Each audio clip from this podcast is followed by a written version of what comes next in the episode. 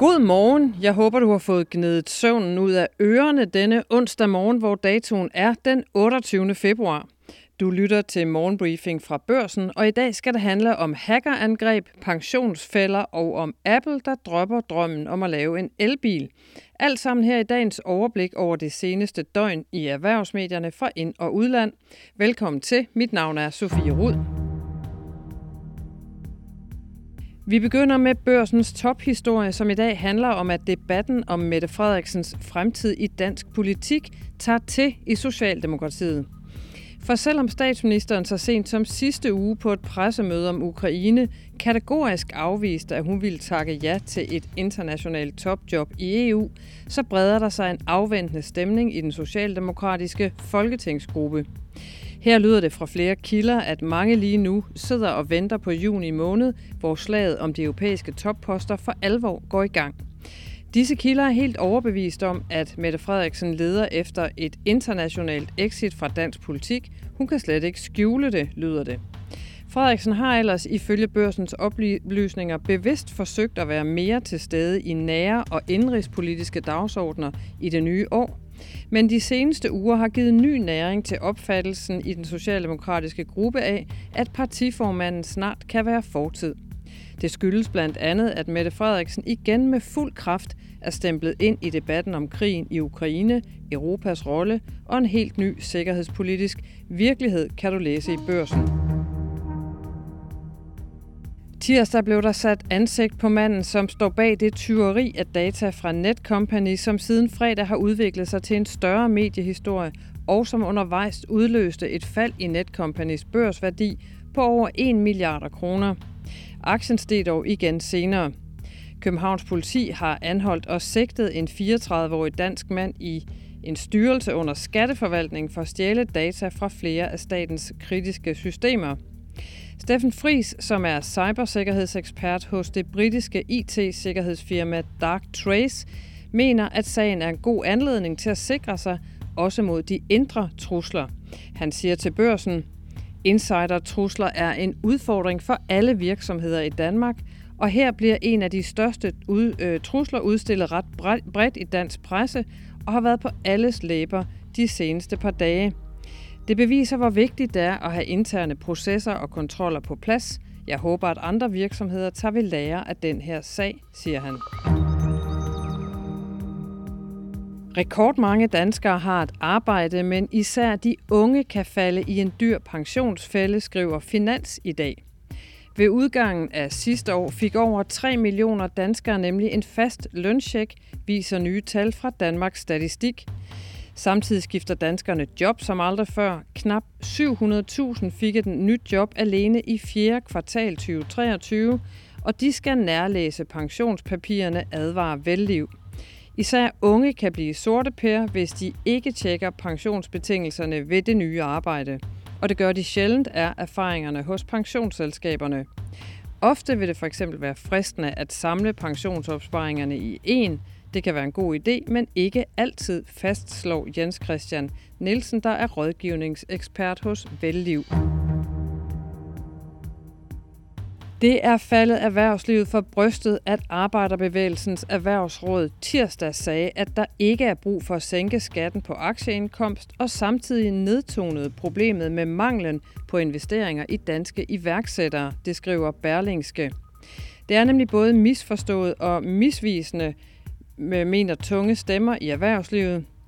Freja Brandhold, der er chef for iværksætterpolitik i Dansk Erhverv, fremhæver, at Danmark har et skattesystem, hvor det bedre kan betale sig at købe et sommerhus, end at investere i iværksætteri.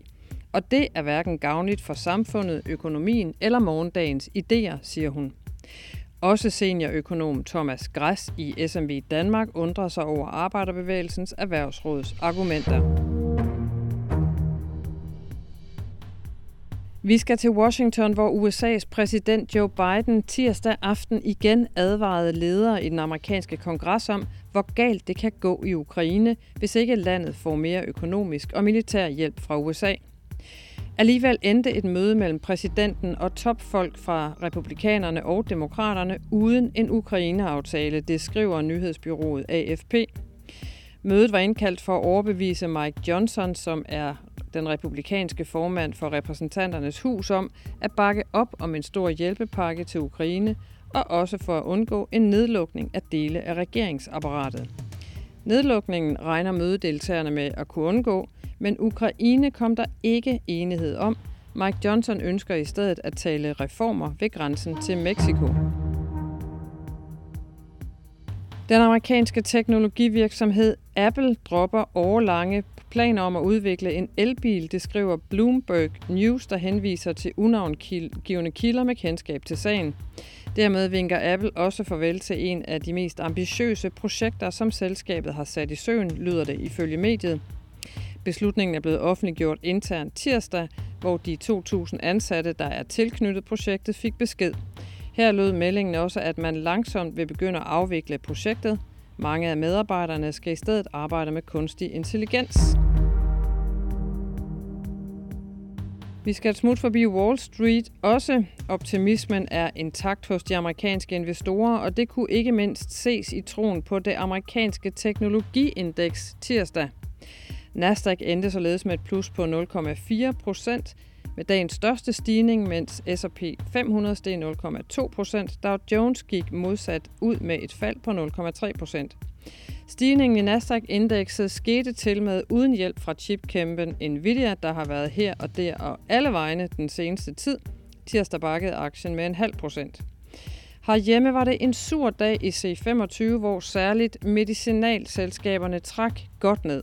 Indekset lukkede 0,35 procent nede. I bunden fandt man Bavarian Nordic og også Sealand Pharma, som røg pænt ned efter mandagens historiske stigning på over 35 procent. Også Novo Nordisk fik hug efter, at en rival offentliggjorde nye positive data for sit vægttabsmiddel, som kan blive en direkte kon- konkurrent til Novos Wegovy. Sagen om Netcompany, der blev hacket og i den forbindelse fik en ordentlig overhaling på markederne med et tab i aktieværdien på 1 milliard kroner, gik fra at handle om mulige russiske cyberangreb til at ende hjemme i Danmark. Min kollega, journalist Mathias Sommer, som har dækket sagen for børsen de seneste dage, fortæller her om sagen. Det er jo en sag, der har ligget og ulmet i et stykke tid. De her data blev stjålet i januar og i februar øh, begyndte en hackergruppe, der kalder sig Syndicate at dele informationer fra IT-systemer, som Netcompany har udviklet, og som de servicerer for den danske stat. Øh, men øh, fredag øh, fortalte Techmediet version 2 om sagen, og så øh, skal jeg hilse at sige, at, øh, at den tog fart. Netcompany's aktie styrtdykkede, øh, og der blev rejst en hel del øh, meget alvorlig tvivl om Netcompany's evner til at beskytte øh, deres øh, data, og, og, og dermed jo også vores allesammens personfølsomme data. Og også i vores avis øh, blev der også frembragt, øh, kan man sige, øh, overvejelser, spekulationer om, at det nok var Rusland, der stod bag. Men det var det så ikke. Det var en 34-årig mand, som havde stjålet, altså øh, var den her gruppe Syndicate. Øh, det han er kendt i, i retten i dag. Så altså ingen hackergruppe, men derimod en 34-årig ansat i en offentlig styrelse. Jeg spurgte Mathias Sommer, hvad motivet var. Vi ved også mere om, hvorfor han gjorde, som han, han gjorde, fordi han i dag forklarede sig i et, øh, under et grundlovsforhør i retten på Frederiksberg. Men her blev der så også nedlagt navneforbud mod at, at referere fra retsmødet, så vi kan ikke øh, detaljeret fortælle om, hvorfor det her er sket. Men han fortalte, øh, kan vi fortælle, at han havde øh, psykiske ledelser, og at han rigtig meget fortrød, hvad han havde gjort. Han var meget ked af, af at det var noget hertil. Øh, og så, forkendte, så erkendte han så de her forhold om, at han havde stjålet øh, og delt øh, de her oplysninger øh, om, om software øh, hos, øh, hos Netcompany. Og hvordan er det egentlig gået for Netcompany i det her forløb? Der har været mange øh, beskyldninger og spekulationer øh, omkring øh, Netcompany. Øh, mange af dem måske ikke helt rigtige og de samlet set har de øh, bidraget til øh, rigtig meget op- og nedtur for, for selskabet på, børsen. Øh, da børsen åbnede tirsdag, havde øh, Netcompany tabt over en milliard kroner af sin markedsværdi.